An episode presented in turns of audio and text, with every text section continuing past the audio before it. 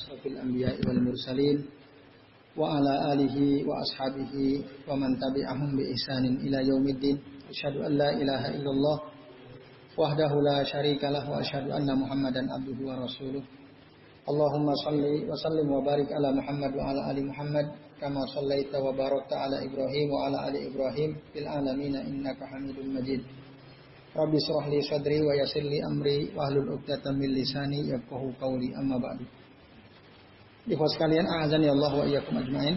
Alhamdulillah pada malam hari ini atas izin Allah kita bisa bertemu kembali di majelis kajian kitab Situ Duror yang sempat libur kemarin karena ada yang kena.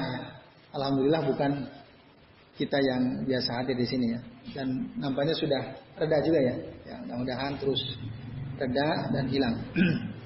nah, teman sekalian, pada malam ini kita akan melanjutkan pembahasan landasan yang kelima ya. Bagian terakhir kalau di kitab antum berarti halaman 181 ya. Nah, silahkan dibuka yaitu bersikap keras dalam mengingkari ahlul bid'ah bukan berarti loyal terhadap orang kafir. Itu judul yang disebutkan.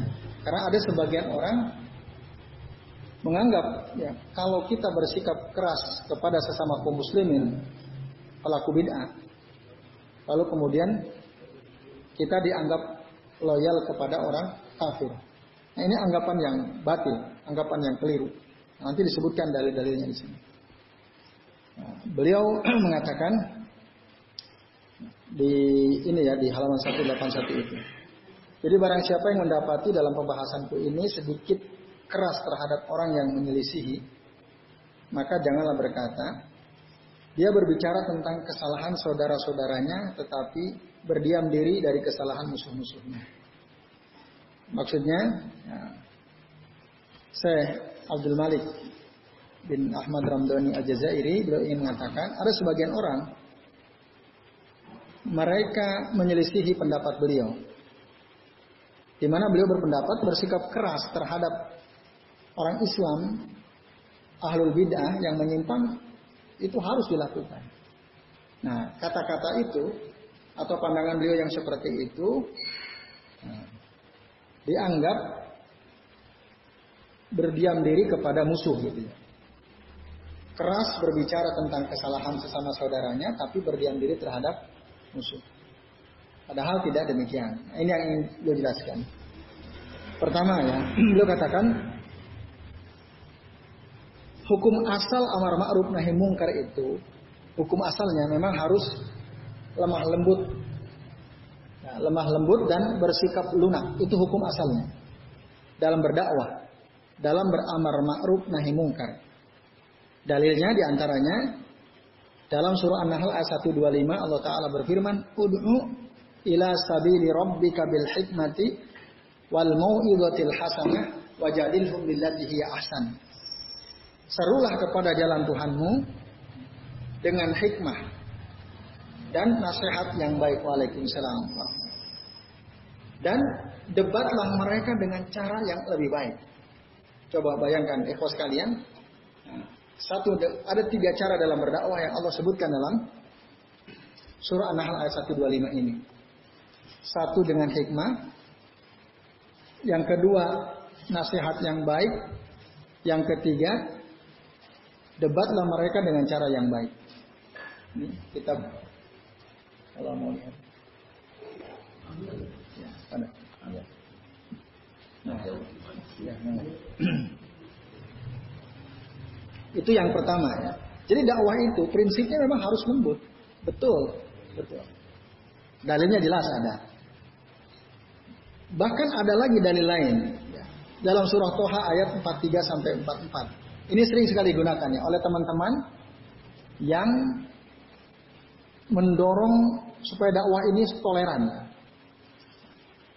Dalil yang kedua adalah cerita tentang dakwah yang dilakukan oleh Nabi Musa dan Nabi Harun kepada Fir'aun. Allah Ta'ala berfirman, Ilhaba ila Fir'auna innahu togo. Pergilah engkau berdua wahai Musa dan Harun kepada Fir'aun. Sesungguhnya Fir'aun itu sudah melampaui batas. Betapa tidak dia mengatakan ya faqala ana rabbukumul a'la. Fir'aun bilang, saya inilah Tuhan kalian yang maha tinggi. Oh kan udah berlebihan banget Fir'aun. Ya, ketika didakwahi, dia berpaling. Lalu mengatakan, faqala ana rabbukumul a'la. Tapi apa kata Allah? Idhaba ila fir'auna innahu. Pergilah engkau berdua wahai Musa dan Harun kepada Fir'aun karena Fir'aun sudah melampaui batas. Fakula lahu kaulal layyina. Katakanlah oleh kalian berdua kepada Fir'aun perkataan yang lembut. Coba bayangkan. Musa dan Harun disuruh oleh Allah berdakwah kepada Fir'aun dengan perkataan yang lembut. La'allahu yatazakkaru au yakhsha. Semoga Fir'aun ingat dan dia takut kepada Allah. Nah, itu yang dalil kedua. Dalil ketiga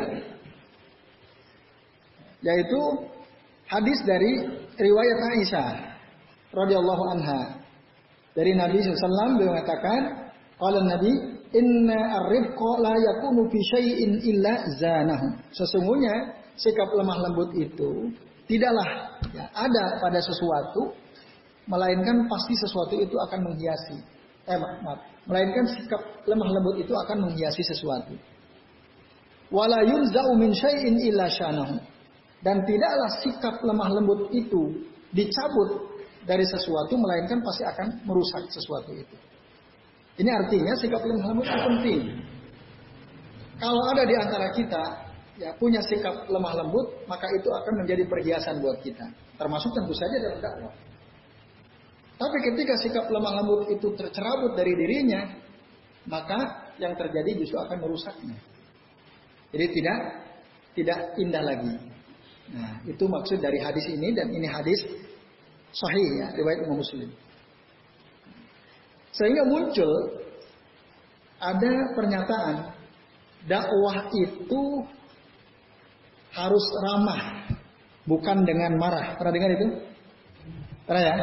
Ada orang uh, punya slogan dakwah itu harus ramah bukan dengan amarah, dengan marah.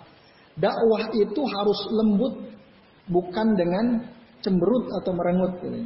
Dakwah itu harus merangkul bukan memukul. Dakwah itu harus toleran bukan dengan kekerasan. Nah, itu kan yang digembar-gemborkan kemudian.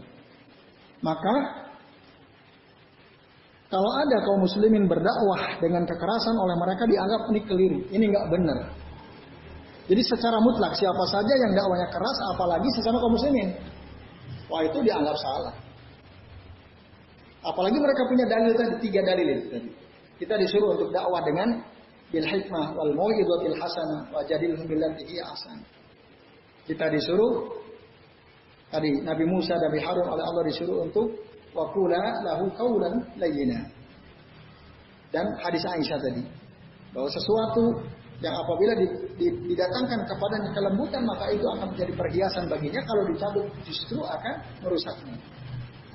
Nah, tapi mari kita perhatikan ikhwas sekalian. Apa kata Syekh Abdul Malik ya, bin Ahmad Ramdhani Al-Jazairi. Beliau mengatakan, "Lakin Idza kana al-munkaru la illa bi naw'in min al-khushunati fala ba'sa. Tapi jika kemungkaran yang terjadi tidak bisa kita rubah kecuali dengan kekerasan, maka tidak ada masalah. Gunakan kekerasan itu. Diskotik operasi di bulan Ramadan dari siang 24 jam.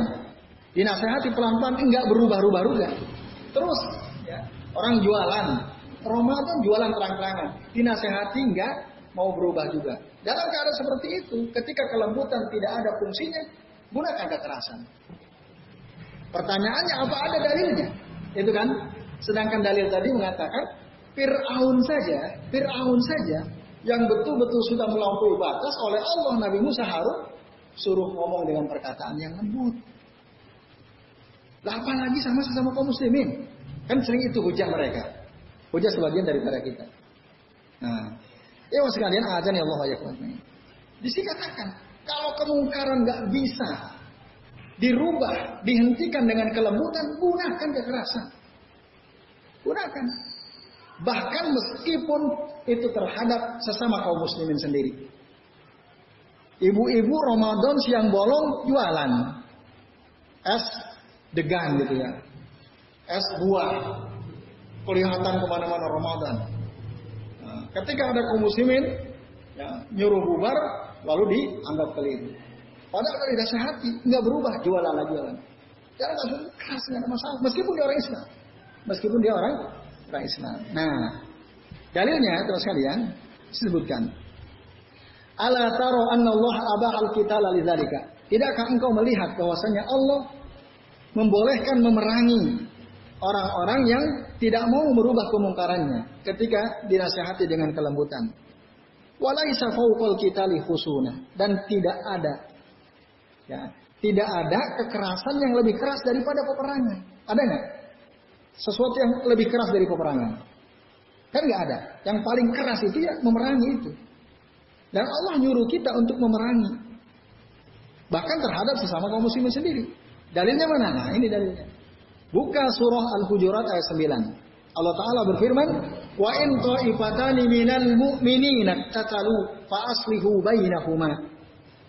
Dan apabila ada dua kelompok dari kalangan orang beriman, mereka berperang, berkonflik, maka damaikanlah di antara keduanya. Ini pesan pertama.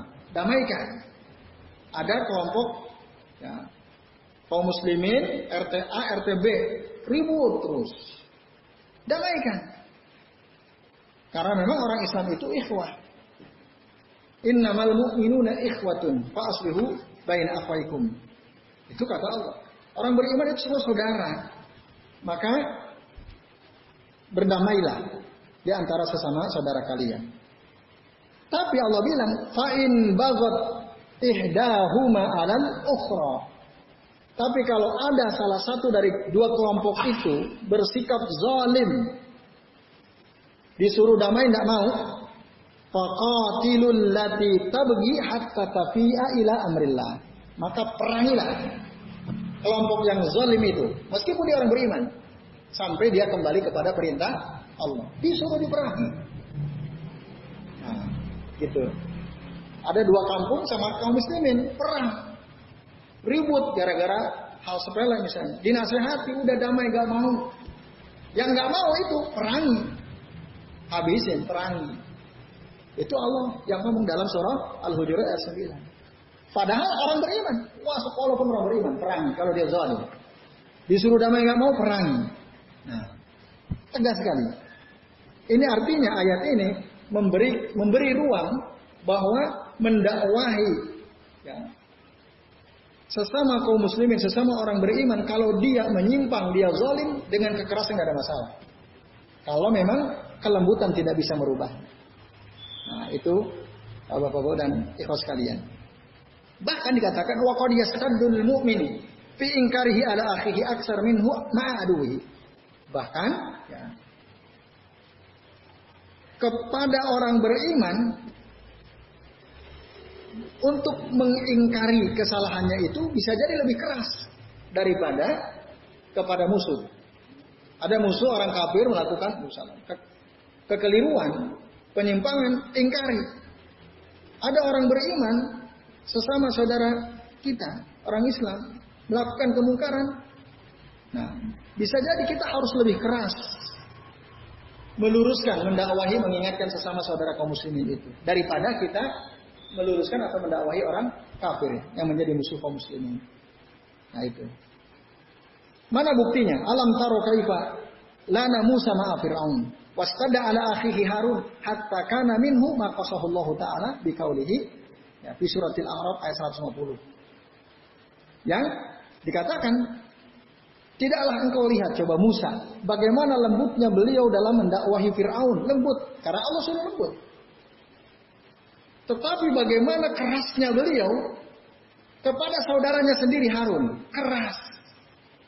Karena Nabi Harun melakukan kekeliruan menurut Nabi Musa. Yaitu tidak mengingatkan kaumnya ketika Nabi Musa pergi. 40 hari, kaumnya kan ikut samiri menyembah patung anak sapi dari tembaga itu yang bersuara. Nah, tidak diingatkan oleh Nabi Harun alaihissalam. Ketika Nabi Musa pulang kembali tahu itu, marah besar. Mendiamkan kaumnya yang melakukan kesesatan itu. Bagaimana marahnya Musa? Allah menggambarkan dalam Al-Quran surah Al-A'raf ayat 150. Wa akhadha bi ra'si akhihi yajurruhu ilaih. Bayangkan. Maaf. Eh, di, ah, diginiin. Jadi tarik rambut kepalanya, didekatkan kepadanya. Padahal itu orang iman. Nabi, Nabi Harun. Tapi lebih keras Musa kepada orang beriman. Ini dalilnya. Jadi dakwah itu tidak selamanya harus ramah. Kadang-kadang perlu marah. Dakwah itu tidak selamanya harus toleran. Kadang-kadang perlu dengan kekerasan. Dakwah itu tidak selamanya harus lembut. Kadang-kadang perlu kita cemberut, merengut gitu kok begini. Dan dakwah tidak selamanya harus merangkul. Kadang-kadang perlu dipukul juga. Kadang-kadang perlu supaya ada perubahan. Nah ini maka keliru tuh orang yang memandang mutlak dakwah harus ramah, dakwah tidak boleh marah, dakwah harus lembut, tidak boleh cemberut, dakwah harus toleran, tidak boleh kekerasan, dakwah harus apalagi tadi merangkul tidak boleh memukul. Keliru kalau itu dilakukan secara mutlak. Nah ini saya kira ini penting ya. Karena ini yang digembor-gemborkan. Bahkan orang-orang tokoh-tokoh nasional, saya nggak perlu sebut namanya ya, ini yang dikampanyekan ini dakwah ini harus begini, harus begini, nggak boleh begini, harus begini. Ya intinya harus ramah, nggak boleh marah. Tidak perlu. Ada saatnya kita boleh marah. Nah, lalu kemudian kata saya Abdul Malik ya, uh, beliau katakan fahali ahadin an yahtaja alaihi bil wala'i wal barra muttahiman lahu bi annahu yabsutu lisanahu wa yadahu ala akhihi wa yaltafu bit tawagid. Apakah ada atau boleh seseorang, apakah ada seseorang yang dia mengkritik Nabi Musa bahwa Nabi Musa walaknya kepada orang kafir tapi malah barro kepada saudaranya sendiri yaitu Nabi Harun. Ada enggak? Ketika sikapnya keras kepada Nabi Harun, lembut kepada Firaun. Apakah ada orang mengkritik Nabi Musa, menyalahkan Nabi Musa? Tidak ada. Apa yang dilakukan Nabi Musa keras kepada saudaranya, itu semua menerima kaum muslimin. Meskipun mereka menerima juga ketika Nabi Musa berdakwah dengan lembut kepada Fir kepada Firaun. Nah, ini kan kita bicara bahwa amar ma'ruf nahi mungkar terhadap orang yang menyelisih sunnah, meluruskan orang yang menyelisih sunnah itu bagian daripada amar ma'ruf nahi nahi mungkar. Kadang perlu dengan kekerasan. Nah, kau katakan Bal rubbama Nabi sallallahu alaihi wasallam yu'anniful ulama min ashabihi idza aqtahu aksar min ghairihim. Bahkan Rasulullah sendiri Rasulullah sendiri bersikap keras kepada sahabat sahabat sahabat beliau yang berilmu.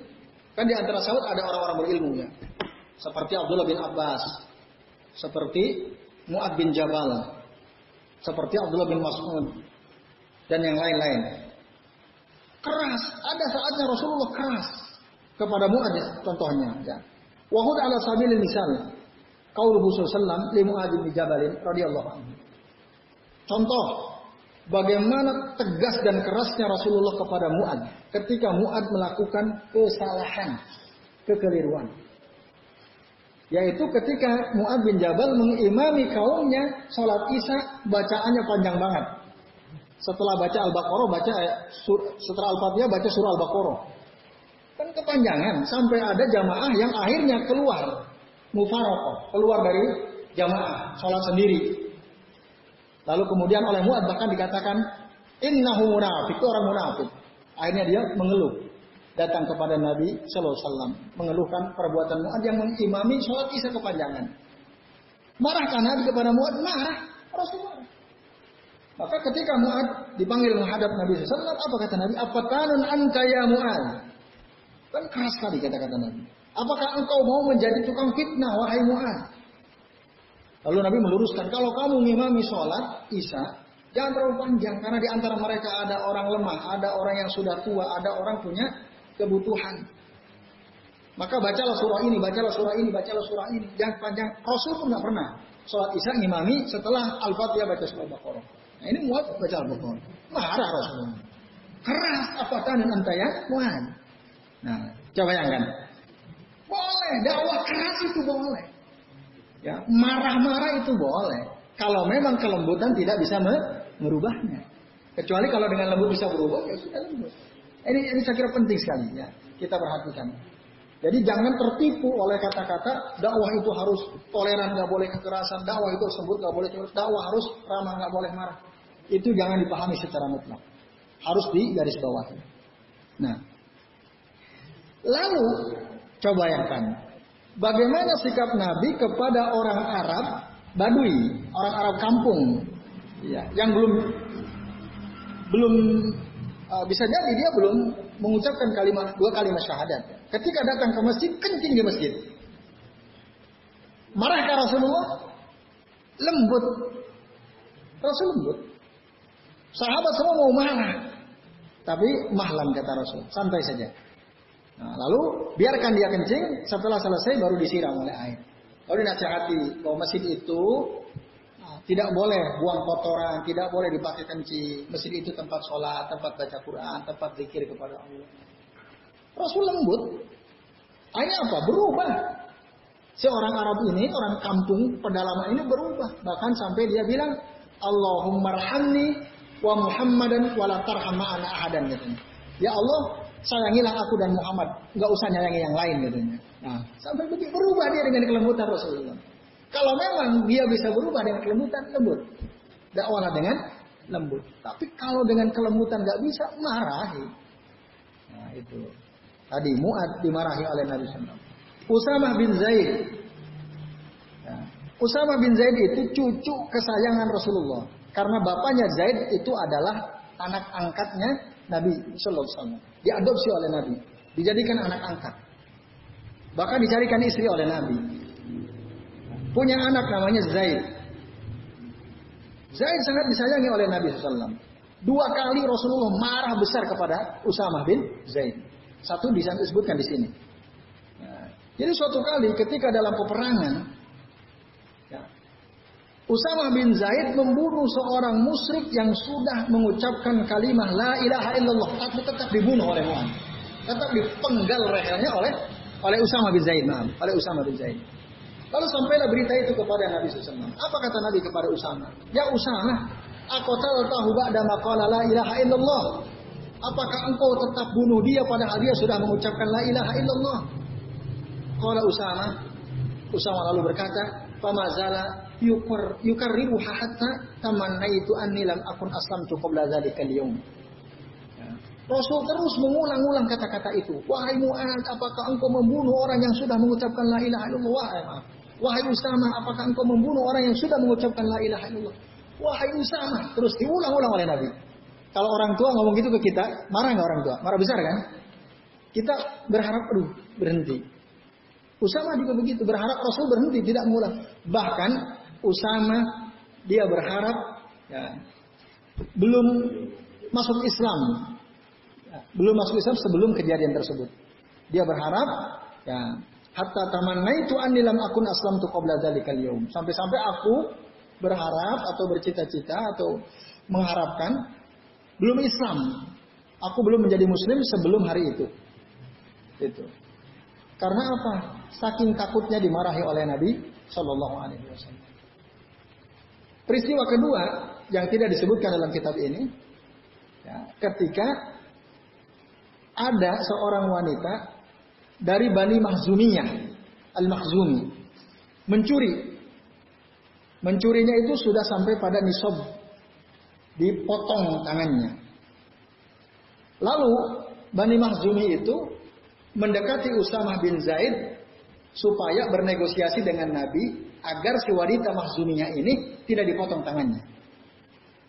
Datanglah beliau kepada Nabi SAW menghadap supaya ya, Nabi nggak usah potong negosiasi sama Nabi, merayu Nabi supaya nggak memotong. Marah Rasul, langsung naik ke atas mimbar lalu menyampaikan kata-kata keras. Innama ahlakal ladina mangkana qoblakum. Sesungguhnya binasa orang-orang sebelum kalian disebabkan karena apa? Ida syarikum minhum asyari eh, ad-dhaif aqamu alaihi al-had. Wa idza syarikum minhum asyari nah, taraku. Kalau eh, celaka binasa kaum sebelum kalian disebabkan ketika ada orang miskin, ada orang lemah mencuri, mereka tegakkan hukuman kepada orang miskin itu, orang bawahan itu. Tapi kalau ada orang kaya, orang mulia melakukan perbuatan jahat, mencuri dan sebagainya, tarokuhu, dibiarkan, tidak dihukum. Nah, kata Nabi begitu di hadapan orang-orang untuk memarahi Usama ini. Nanti kita akan hancur kalau ada orang dianggap mulia lalu tidak dihukum. Lalu beliau katakan, Lau anna Fatimah binta Muhammadin sarikot la qata'tu yadaha. Seandainya Fatimah putrinya Muhammad mencuri, aku akan potong tangannya. Saking tegasnya Rasul, marahnya Rasul kepada Usama bin Zaid. Kadang-kadang harus dikerasi gitu dalam berdakwah ini. Nah ini teman-teman sekalian azan ya Allah wa ajma'in. Lalu kemudian kata Syekh Abdul Malik maka Usama bin Zaid akhirnya mengambil faidah dari kemarahan Nabi itu. Dia mengambil nasihat ketika terjadi hari-hari fitnah. Setelah terbunuhnya Utsman bin Affan. Kan dalam Islam itu zaman Nabi Abu Bakar, Umar damai. Pokoknya hidup kaum muslimin damai sekali. Keadilan tegak. Saat zaman Utsman itu muncul huru hara. Huru hara ada sebagian kaum muslimin atas provokasi dari orang Yahudi mau menjatuhkan Utsman bin Affan. Ya. Akhirnya apa terjadi? Terjadilah demonstrasi besar-besaran berhari-hari sampai pada akhirnya Utsman bin Affan terbunuh ketika membaca Al-Quran menjelang subuh. Ya. Oh, itu jadi fitnah besar bagi muslimin. Setelah itu terjadi terus peperangan. Ali perang dengan Aisyah dalam perang Jamal. Ali perang dengan Muawiyah dalam perang Siffin. Terus. Nah, siapa yang perlu dibela? Ali apa? Muawiyah bin Abi Sufyan. Ali apa? Aisyah radhiyallahu anha. Banyak orang terlibat, yang terbunuh banyak sekali. Tapi orang-orang berilmu dari kalangan para sahabat yang sudah tahu ilmunya, mereka menahan dirinya. Tidak membela Ali, tidak membela Aisyah, tidak membela Ali, tidak membela Muawiyah bin Abi Sufyan ketika terjadi fitnah. Kenapa? Nah, salah satunya Usama bin Zaid, beliau mengambil manfaat dari peristiwa tadi. Ya, maka ketika kata Imam Az-Zahabi rahimahullah, Usama bin Zaid mengambil manfaat dari hari kemarahan Nabi. Di mana Nabi mengatakan kepadanya, "Kaifa bila ilaha illallah ya Usama fa kaffa yadahu wa lazima baitahu fa asana." Setelah itu Usama betul-betul hati-hati Beliau ya sangat hati-hati terhadap orang-orang yang mengucapkan kalimat la ilaha illallah, menahan dirinya dan beliau tinggal di rumah nggak pernah keluar rumah ketika terjadi fitnah peperangan sesama kaum muslimin dan ini sikap yang sangat baik dari Usama bin Zaid. Nah, ini ikhlas kalian azan Allah Lalu kata si penulis kitab ini, "Qultu Allahu akbar." Aku katakan Allah Maha Besar. Ma'azama at-tarbiyah an-nabawiyah. Betapa agungnya pendidikan Nabi. Ya. Apa yang dimaksud pendidikan Nabi tadi? Tadi. Ada kalanya ker, keras, ada kalanya lem, lembut. Lihat situasi. Lihat siapa yang didakwahi. Lihat apakah ada perubahan atau tidak dengan kelembutan. Jika tidak, marah nggak ada masalah. Ya. Bahkan memukul nggak ada masalah. Tadi Musa narik rambut kepala saudaranya. Kalau memang kelembutan tidak bisa. Nah, maka Kemudian kata beliau, wa ma al-hizbiyah dan betapa hinanya pendidikan ya, al-hizbiyah itu partai-partai Islam. Nah ini ini uh, karena memang beliau hidup di era modern ya, udah di jam ada ada yang disebut zaman demokrasi. Oh, muslimin udah terpecah belah. Ini yang menulis kitab Situ Durar, saya Abdul Malik uh, bin Ahmad Ramdhani Al-Jazairi, memang hidupnya di abad-abad 19 ya. Jadi beliau melihat demokrasi sudah begitu sangat lumrah ada di mana-mana. Nah, sehingga muncul partai-partai, lalu dia mengkritik betapa hinanya pendidikan partai-partai Islam itu. Yang uh, min yaumin an haramat asal arad al mukhalif. Di mana mereka ini mengharamkan membantah atau mengkritik orang Islam yang menyelisih sunnah Nabi. Di partai-partai Islam ini dalam proses kaderisasinya atau pendidikan kepada masyarakat itu, nah, kalau misalnya ada kader, kader atau partai dakwah misalnya ada, ada, misalnya ada ada kita partai dakwah ya misalnya. Nah, beliau mengkritik. Jadi partai-partai Islam itu mereka mengharamkan, membantah, mengkritik orang-orang Islam yang menyelisih sunnah Nabi SAW. Wa abna'uha dan ya, anak-anak mereka atau anak-anak didik partai-partai itu la yatawarrauna an dima'il muslimin. Mereka tidak bersikap wara terhadap darah kaum muslimin ittakhadhuha hadaran bi ismil jihad. Bahkan mereka ya, malah apa? Memerang, akhirnya memerangi kaum muslimin tanpa sungkan atas nama jihad. Nah, ini yang yang belum potret bukan di Indonesia tentu saja ya, di sana di negeri Jazirah Arab. Misalnya terjadi di Suriah antar sesama kaum muslimin.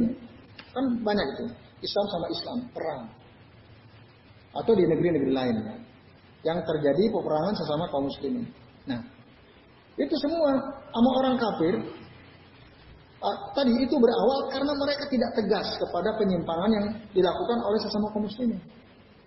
Akhirnya ketika tidak tegas, orang kafir masuk, lalu mereka memprovokasi, terjadilah justru peperangan yang lebih besar sesama kaum muslimin. Itu yang terjadi justru. Nah, ketika mereka perang, mereka bilang ini jihad. Padahal mereka perang selama kaum muslimin disebabkan provokasi dari orang-orang kafir. Wala takadu wala takadu takumu fitnatun illa wa hum au maukiduha. Dan tidaklah terjadi fitnah itu kecuali mereka lah yang menjadi provokatornya. Mereka yang menjadi bahan bakarnya. Maksudnya partai-partai Islam itu. Yang awalnya mereka membiarkan penyimpangan-penyimpangan yang terjadi di tengah-tengah muslimin. Itu dibiarkan. Atas nama toleransi itu. Tidak mau keras gitu ya.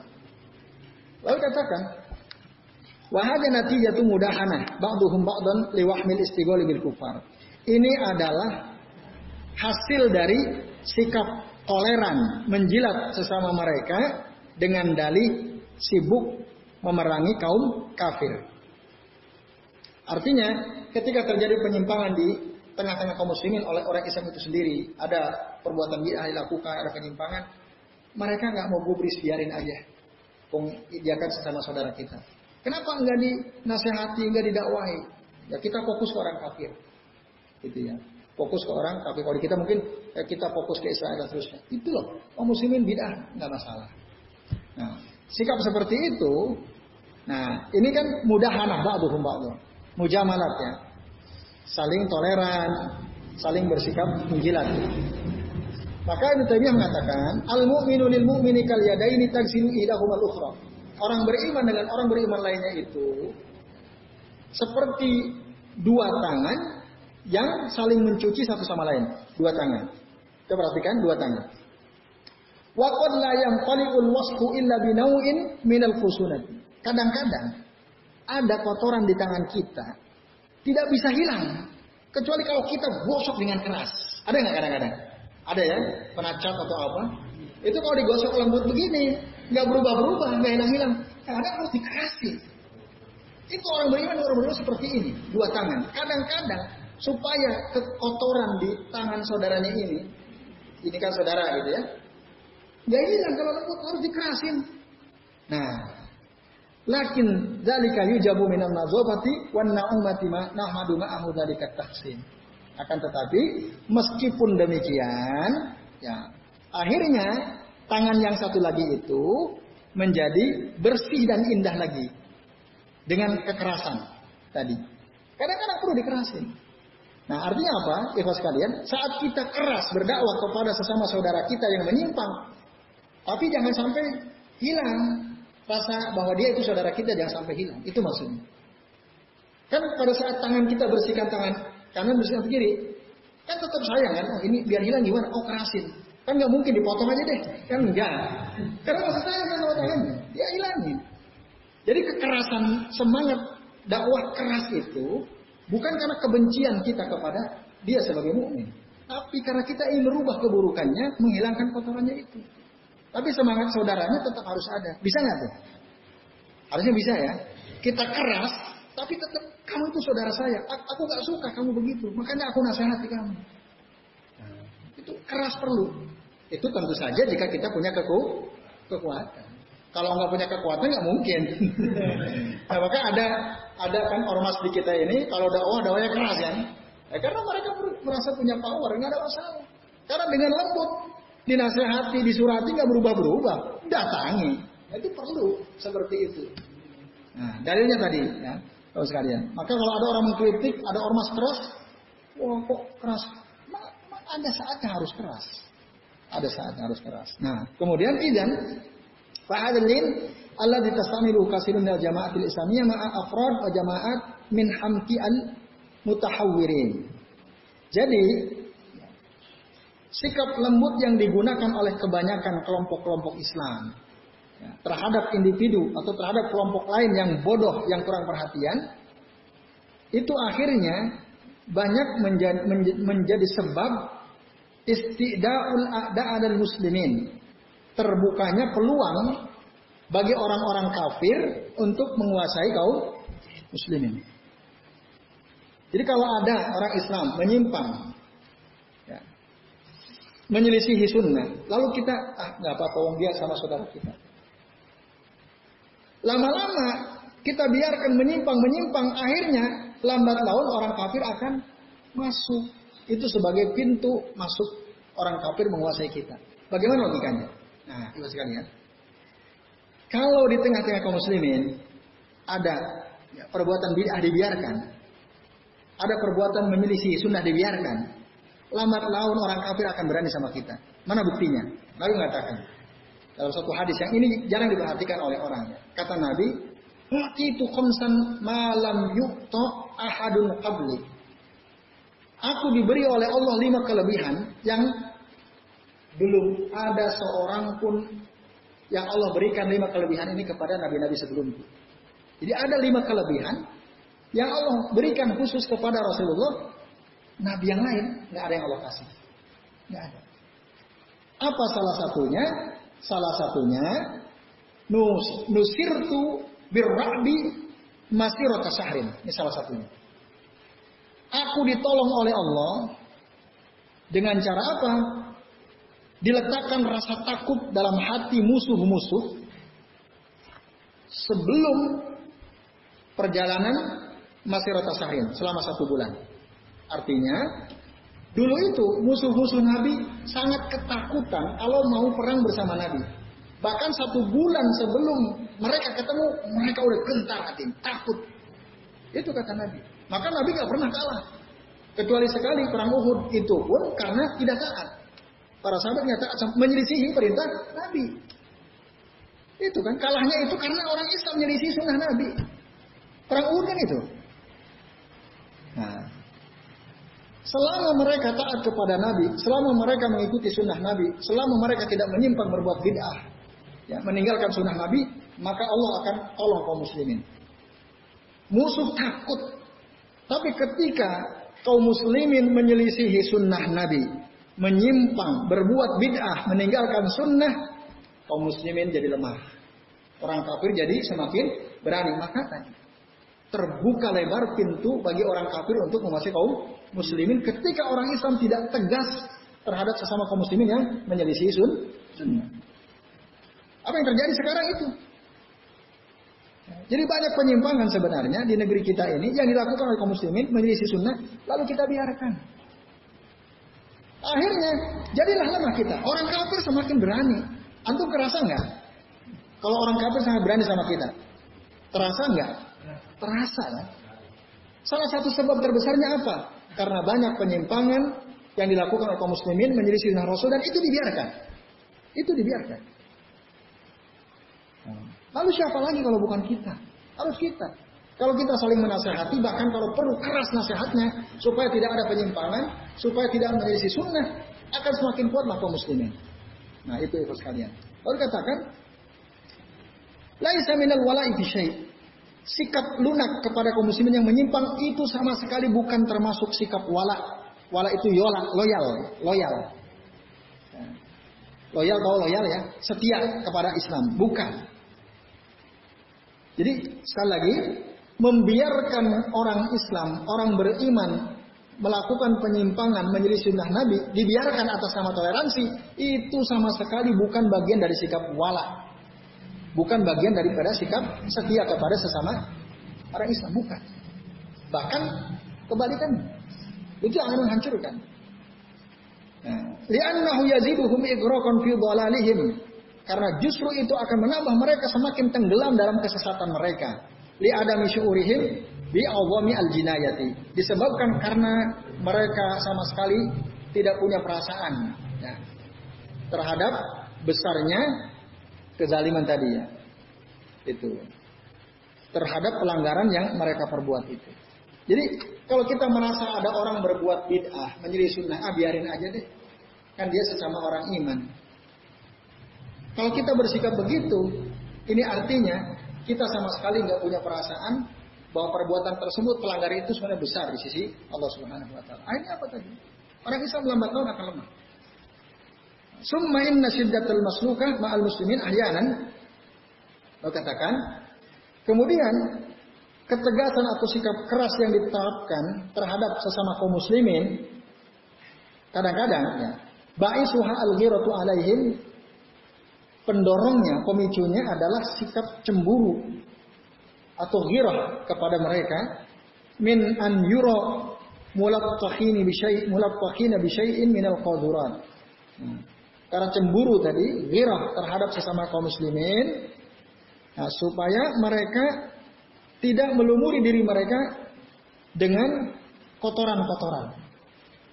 Ketika kita lihat orang Islam melakukan bid'ah, sunnah, karena kita cemburu gitu, kasihan sama dia. Kok kamu kok seperti itu? Harusnya perbuatan menyimpangmu dari sunnah, perbuatanmu yang menjadi sunnah, kamu hentikan. Nah itu. Karena kalau kamu terus lakukan itu akan mengotori kamu. Lalu kemudian wasa'yu fi tamdid as-saffi wa saddi khuruqihi hatta la tu'ta la tu'ta min min kibalihi falyu'lam. Dan usaha untuk memperkokoh barisan kaum muslimin dan menutup celah kebocoran celah kebocoran sehingga barisan kaum muslimin menjadi lemah itu hatta la tu'ta min kibali. Itu dilakukan dalam rangka supaya musuh tidak menguasai kaum muslimin terhadap mereka. Tujuannya itu. Jadi kita harus memperkokoh barisan kaum muslimin. Caranya gimana? Supaya kokoh barisan kaum muslimin kokoh. Tadi kadang-kadang kita harus mendakwahi sesama orang beriman yang menyimpang menjadi sunnah Rasul dengan keras kadang-kadang. Kalau semua orang Islam itu sesuai dengan sunnah Nabi, tidak ada yang menjadi sunnah Nabi, kokoh. Orang Islam kokoh. Orang musuh pasti takut. Kalau kita baca peperangan dalam sejarah kan banyak. Orang Islam itu jumlah sedikit menang terus ya. Ya yang paling fenomenal kan perang Badar ya. 300 lawan 1000. Menang. Karena apa? Semua taat sama Nabi. Semua nggak ada yang berani menyelisih. Tapi perang Uhud, orang Islam udah banyak. Orang Hunain lebih banyak lagi. Hampir kalah gara-gara menyelisihi juga. Nah, menyelisihi sunnah Nabi SAW. Oleh karena itu, menyelisihi, eh, sunnah Nabi itu, itu harus segera diperbaiki. Kalau dengan lemah lembut gak bisa kerasi, dikerasi. Orang Islam dikerasi. Nah, supaya tadi itu sesungguhnya dalam rangka untuk menutup celah supaya orang-orang kafir tidak menguasai kita. Maka ketahuilah ini. Nah, kemudian oleh karena itu, Sa'ad Abdul Aziz bin Bas, beliau memberikan nasihat dalam kitab yang ditulis judulnya Al-Adillah Al-Kashif Ali Akhta Ibadi Al-Kutabiyah. Dalil-dalil yang mengungkap kesalahan sebagian para penulis. Beliau mengatakan, wala saka anna syariat al-islamiyat al-kamilah ja'at ditahwiri minal guru fiddin. Dan tidak diragukan lagi. Bahwasanya syariat Islam yang sempurna datang dalam rangka untuk memberikan peringatan terhadap sikap gulu, berlebihan dalam agama. Nah, apa contoh gulu fiddin? Berlebihan dalam agama contoh.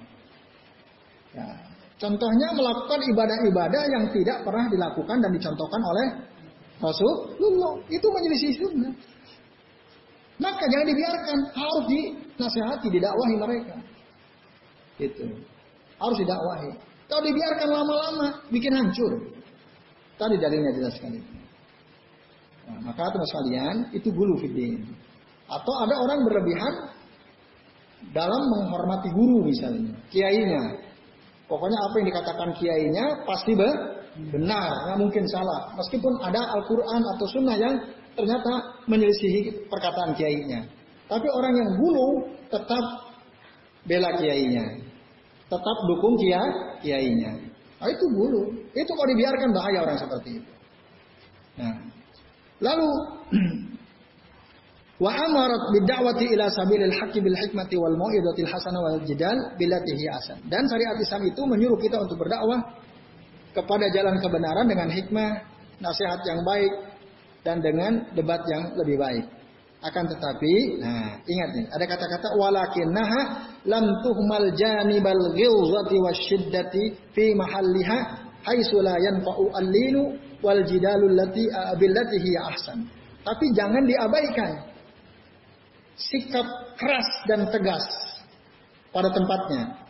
Di mana ketika kelemahan eh, kelemah lembutan tidak berfungsi, tidak bermanfaat. Berdebat dengan cara yang baik tidak bermanfaat. Kekerasan, ketegasan harus dilakukan. Allah Ta'ala berfirman, Ya ayuhan nabi, jahilil kufar wal munafiqina wagluz alaihim. Hai, hai nabi, perangilah orang kafir dan orang munafik. Nah, orang munafik itu kan orang yang ada di tengah-tengah kaum muslimin. Perangi mereka, wagluz alaihim. Bersikap keraslah kepada mereka. Ini perintah Allah. Jadi ada saatnya keras. At-Taubah ayat 73.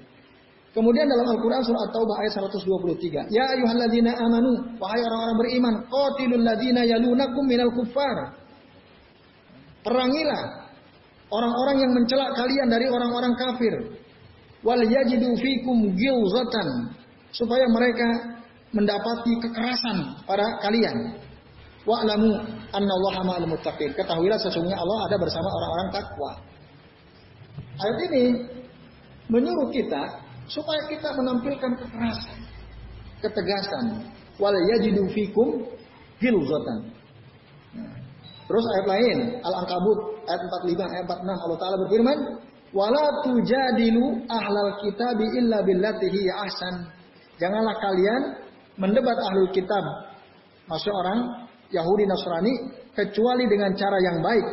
Illalladzina walamu minhum, kecuali orang-orang yang zalim di antara mereka.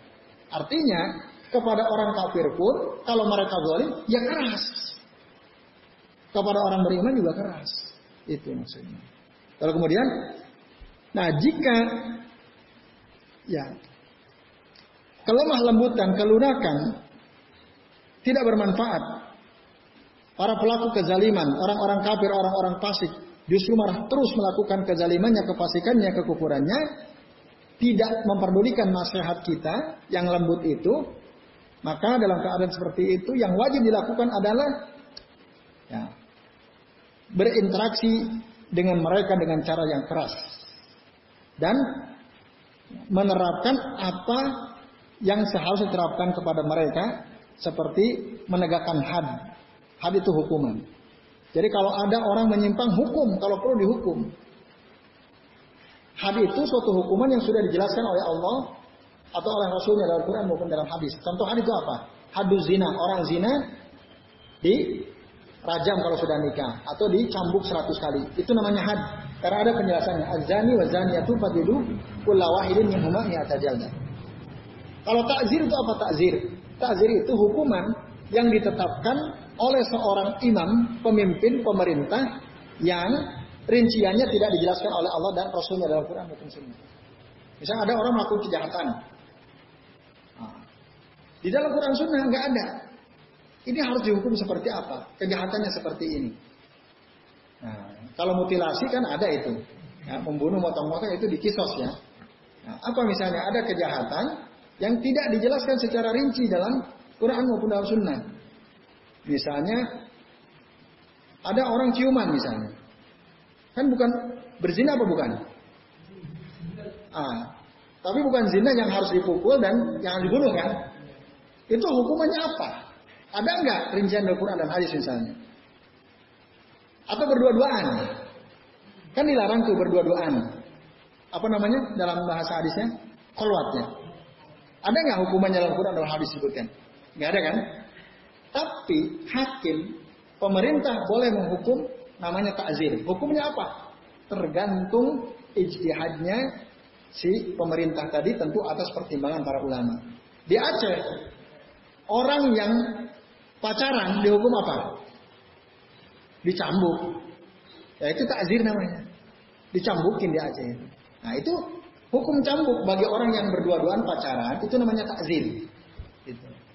Nah maka itu takzir itu perlu ya dilakukan. Atau mereka diancam atau mereka dicela. Sampai kapan?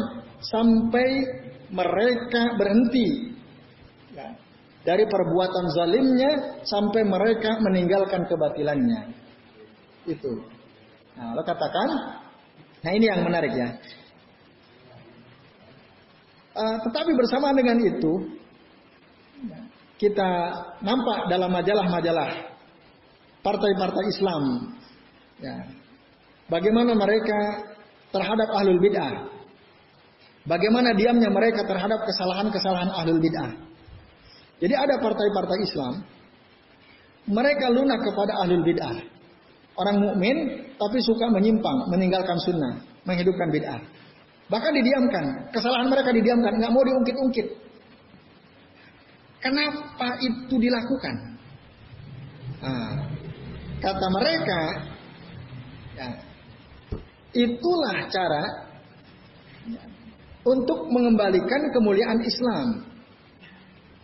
Jadi supaya Islam ini kembali, bagi mereka Jangan mengkritik kesalahan yang dilakukan oleh orang beriman. Nah, nanti kemuliaan itu akan ditemukan di sunduk al-intikhobat. Sunduk intikhobat itu di kotak-kotak pemilu. Tazammaru minan nakdi. Lalu mereka menghindari atau tidak mau mengkritik penyimpangan yang dilakukan oleh sesama kaum muslimin.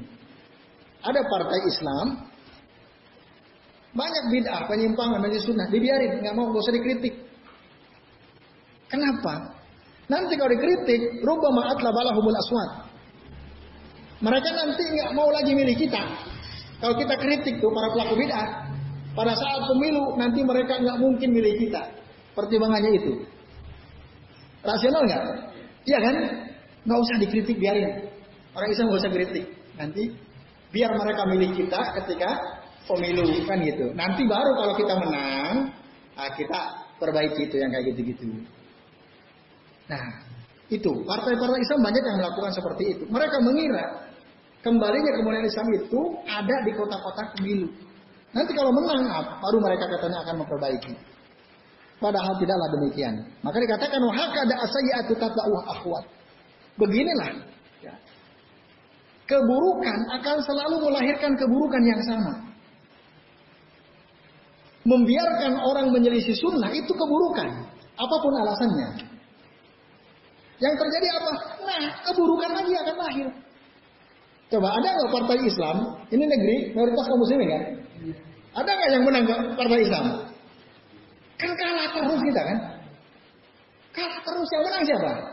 Nah itu yang menang.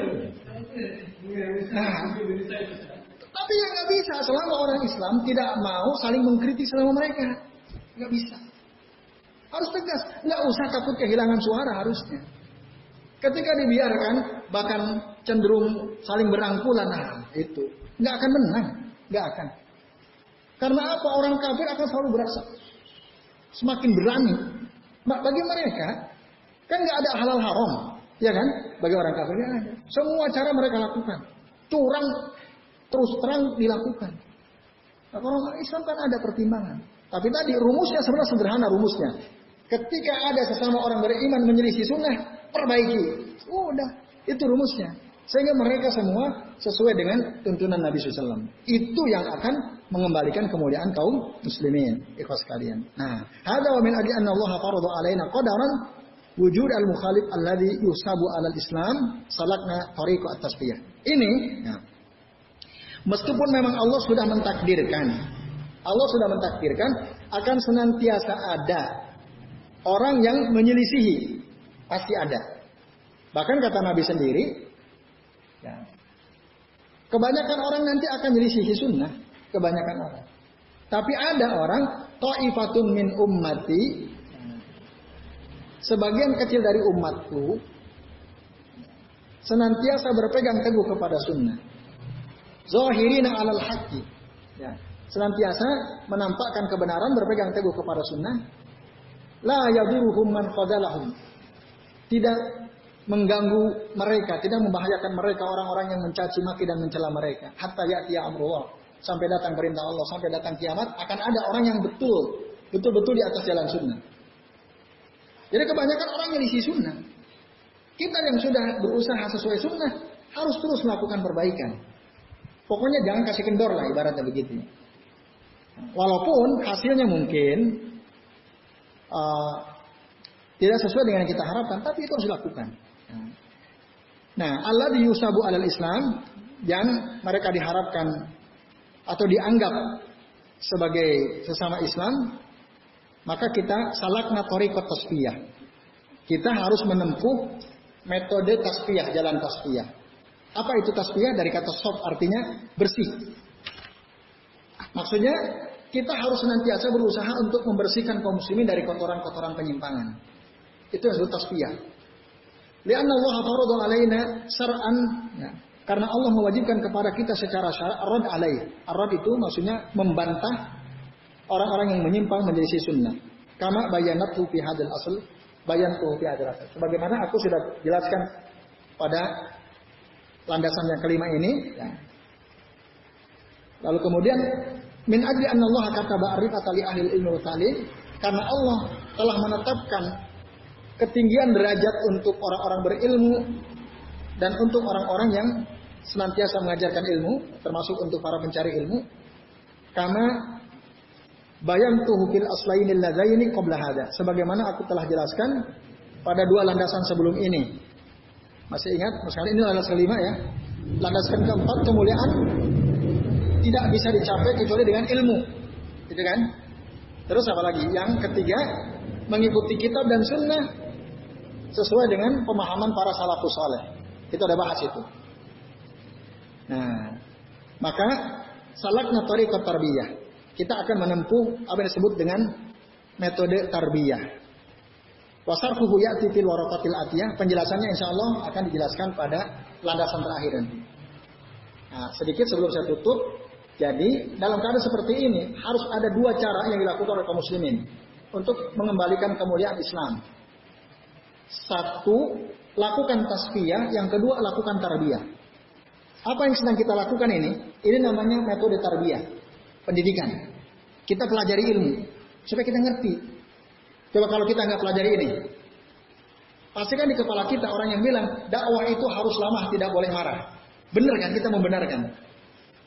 Cenderung kita membenarkan dakwah itu harus toleran, nggak boleh dengan kekerasan. Benar juga ya. Tapi setelah kita tahu dalil ini, oh enggak, tidak selamanya itu benar. Itu tarbiyah itu begitu. Lewat belajar, lewat pengajaran kita akan tahu mana yang hak, mana yang batil. Tasbiyah itu apa? Tasbiyah itu membersihkan. Soft itu artinya jernih.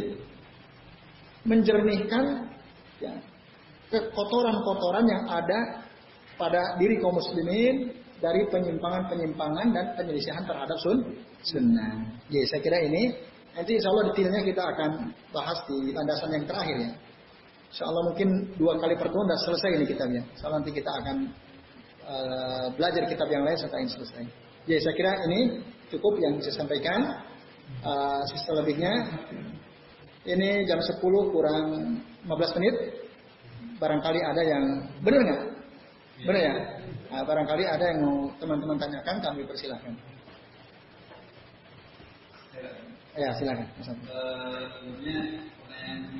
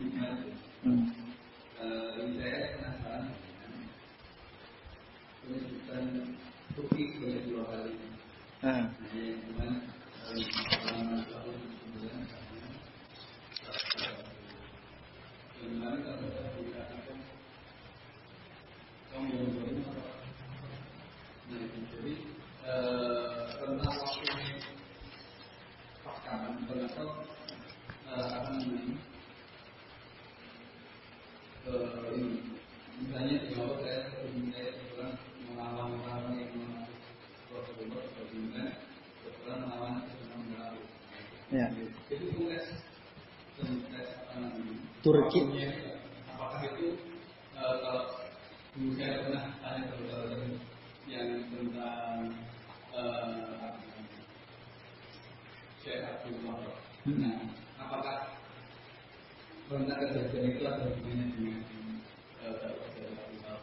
Saya Muhammad bin Abdul Wahab. Hmm.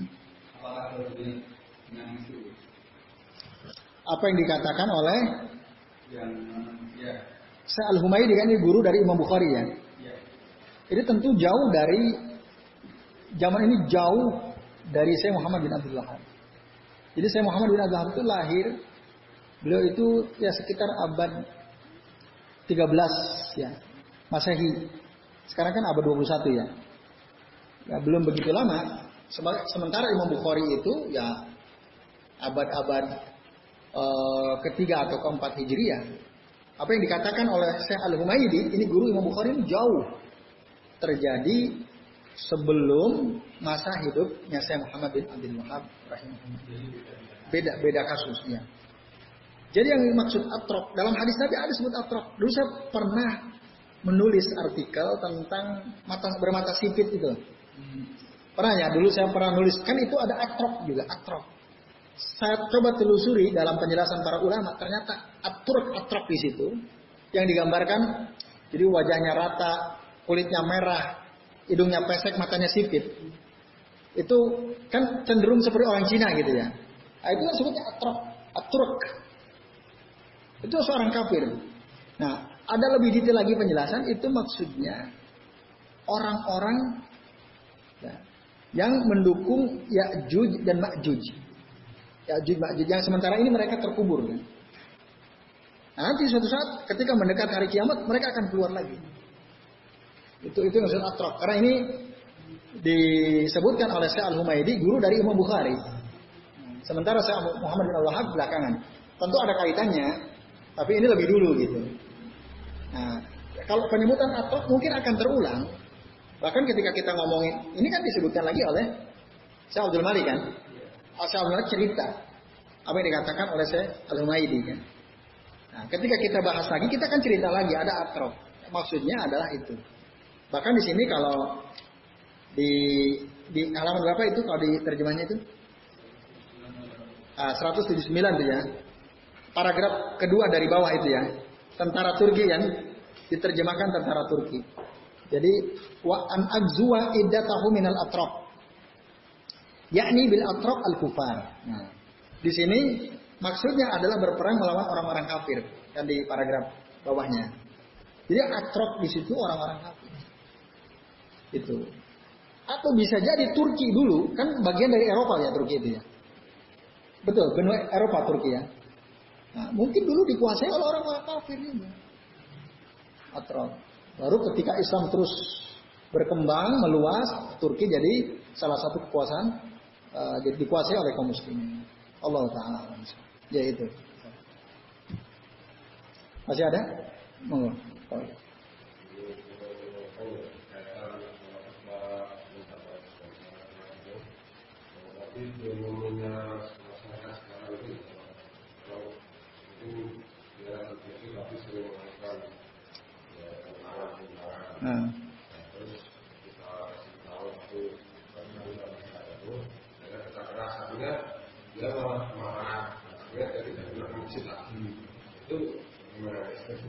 Oke.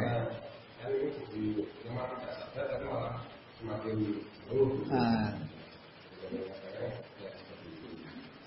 Kontraproduktif gitu ya. Maunya kita berubah tambah baik, pas dikerasin malah jauh dari masjid.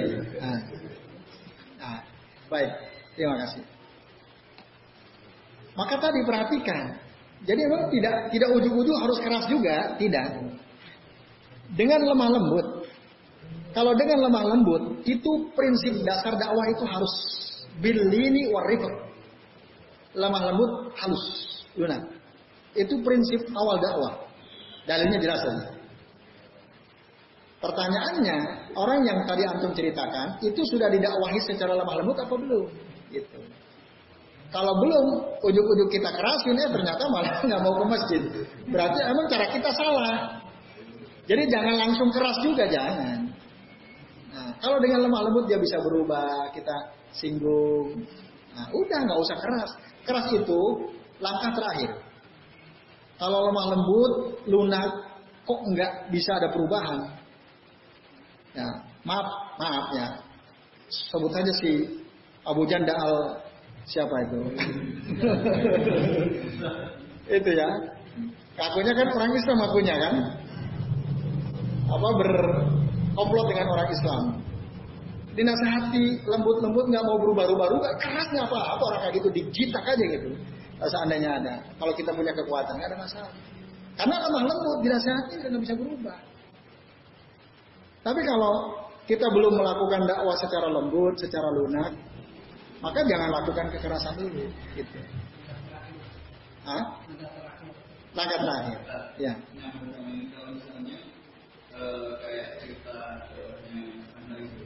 Ya. Ya. Ya. Metode yang ada penyimpangan terlalu sunnah gitu ya. Nah. Apa di antara contohnya misalnya? Musik, gamelan, dan seterusnya. Bahkan kayak Robin Hood juga ya, Robin Hood. Ya. Uh, mencuri. Uh, itu yang perlu dipertanyakan, cerita itu benar atau enggak. Itu satu. Kita kan nggak tahu itu benar apa enggak. Jangan-jangan itu rekayasa. Karena kebaikan yang dilakukan dari hasil keburukan Allah tidak akan mau terima. Inna Allah tayyibun layak balu illa tayyiban. Allah itu maha baik, Allah tidak mau terima kecuali dari yang baik-baik. Sodakoh dari hasil mencuri itu keburukan. Nggak ada, nggak ada, agak akan diterima oleh Allah. Mestinya Sunan Kalijaga paham itu mestinya. Nah, maka saya curiga jangan-jangan itu ini aja angan-angan hayalan si penulis skenario gitu. Supaya sama dengan Robin Hood barangkali ya dan seterusnya. Seandainya apa uh, Sunan Kalijaga kan orang berilmu, muridnya wali sebelumnya pasti tahu bahwa Allah itu baik dan Allah tidak akan menerima kecuali dari yang baik-baik. Satu itu ya kritikan terhadap itu. Kritik lain misalnya bertapa nggak ibadah bertahun-tahun itu kan nggak mungkin meninggalkan ibadah kepada Allah hanya sekedar apa sekedar untuk tapa dapat ilmu kanuragan itu. Nah, itu itu nggak benar itu. Saya saya saya pribadi nggak mungkin kayaknya kalau mereka orang berilmu. Nah terus dakwah dengan musik dan seterusnya. Nah kalau yang saya dengar ada kan Ustadz saya Ustadz Beno Abidin kalau nggak salah menulis membongkar sejarah Wali Songo, membongkar fakta sejarah Wali Songo. Nah, saya pernah beliau mendengar, silakan dicari nanti ya. Penulisnya uh, Ustadz Zainal Abidin kalau tidak salah. Ya. Uh, di YouTube-nya banyak juga tuh ceramah beliau. beliau nulis kitab judulnya tadi membongkar fakta sejarah Wali Songo. Nah, di antara pembahasan yang saya pernah baca, jadi sebenarnya di antara para wali itu ada dua kubu. Dari sembilan wali itu ada dua kubu. Ada mereka yang cenderung lunak. Tadi apa? Membuka ruang toleransi tadi. Ada yang tegas, ini nggak boleh, ini nggak boleh. Kalau dibiarkan akan begini-begini. Nah, kodarullah dalam perjalanan sejarah, para wali yang bersikap tegas itu, itu yang tersingkirkan nanti dengan kekuasaan yang ada waktu itu. Dan yang mendapatkan ruang cukup besar, leluasa, para wali yang cenderung agak lunak terhadap budaya-budaya yang sebenarnya bertentangan dengan syariat Islam. Walaupun tujuan mereka ini cara saja, cara dakwah. Nanti pada akhirnya kita akan ajak kembali mereka kepada yang benar. Nah, wali yang yang agak lunak itu, itu yang mendapat ruang. Nah, nanti yang tegas-tegas itu tersingkir. Dibatasi gerak, ruang gerak dakwah mereka. Itu yang pernah saya baca. Asalnya yang munculkan itu, yang dimuncul-munculkan terus. Akhirnya apa yang terjadi? Kan susah diperbaiki itu. Sampai sekarang ada nggak ustadz yang dakwahnya pakai musik? Ada di kota gede kan ada itu ustadz. Kalau dakwah pakai musik bawa perempuan-perempuan. Tahu nggak? Gak usah saya sebut namanya ya. Saya pernah lihat beliau tampil pakai alat musik, nyanyi-nyanyi, terus pakai bidu wanita. Oh itu dakwah yang tidak sama sekali diajarkan oleh Nabi SAW.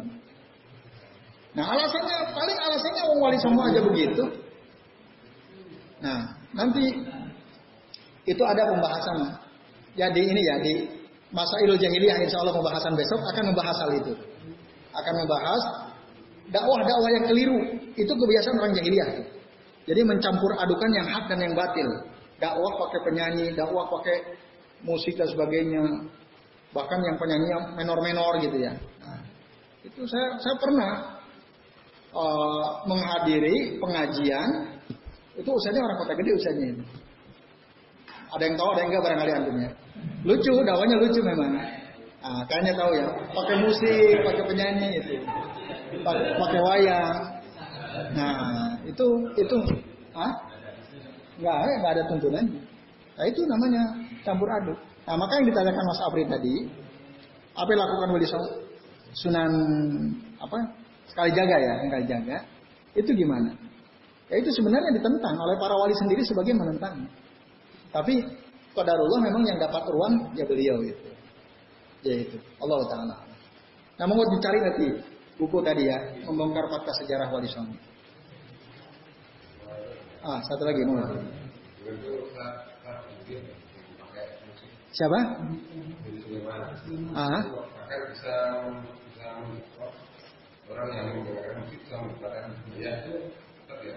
Ya, ya. Suatu kebatilan meskipun dengannya seseorang dapat hidayah tetap aja batil, nggak bisa dibenarkan. Karena ada orang dapat hidayah gara-gara celana dalam juga ada. Lalu kemudian kita dapat pakai celana dalam. Kan enggak. Ya, ya proses orang dapat hidayah macam-macam ini. Kadang-kadang orang dapat hidayah dari yang hak, kadang-kadang orang dapat hidayah dari kebatilan. Kadang-kadang. Misalnya apa? Ya misalnya dia melihat proses perbuatan yang tidak berperi kemanusiaan yang dilakukan oleh orang kafir misalnya. Orang kafir melihat orang kafir menyiksa saudaranya atau anaknya. Akhirnya kan dia dapat hidayah dari situ. Ternyata kafir ini aja nggak benar. Masuklah hidayah kan? Nah itu kan. Lalu apakah berarti itu tadi pembunuhan pemukulan baik kan enggak? Ya, gitu. Jadi prinsipnya gini, kaidahnya. Tidak setiap yang menjadi jalan hidayah Ya, itu pasti baik, tidak. Kadang-kadang ada ketidakbaikan, kerusakan yang menjadi jalan hidayah kadang-kadang. Atau sesuatu yang nggak baik bisa menjadi jalan hidayah. Ada. Nah, saya cerita sedikit. Di Republika perlu pernah dirilis ya, berita. Jadi di Amerika ada seorang wanita ini apa penjaga pos apartemen yang dapat hidayah dari celana dalam. Pernah cerita ya? Itu. Jadi ada orang Arab Muslim kuliah di Amerika. Tinggal di apartemen yang di situ ada orang kafir, banyak orang kafir lah. Si ibu ini kan tugasnya memasak, mencuci pakaian seluruh mahasiswa yang ada di situ.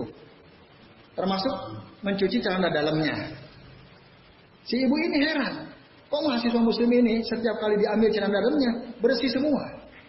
Tapi orang-orang kafir kan ketika mau diambil isinya bau, bau ompol, air mani banyak sekali.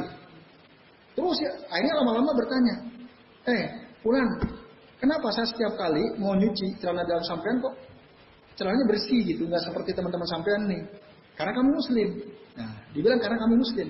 Muslim itu tidak kencing sembarangan. Kalau kencing cebok, tidak pernah bergaul bebas, tidak pernah minum khamar, tidak pernah, tidak pernah berhubungan dengan perempuan yang bukan pahamnya, yang bukan isinya. Jadi celana dalam kamu seperti itu. Nah, akhirnya dia masuk Islam. Gara-gara apa? Celana dalam kan. Nah, lalu apa? Nah kan gitu. Ya seperti itu. Ah, kalau semua hidayah tentu saja baik. Ya, ya, ya itu. Baik, cukup ya. Baik sekalian, alhamdulillah. Ini yang bisa kita bahas pada kesempatan malam hari ini. Semoga bermanfaat dan mohon maaf jika apa yang kami sampaikan ada kesalahan dan kekeliruan. Mari eh, nanti ditutup oleh Mas Yoyo ya selaku pembawa acara. Saya akhiri hidayah. Wassalamualaikum warahmatullahi wabarakatuh.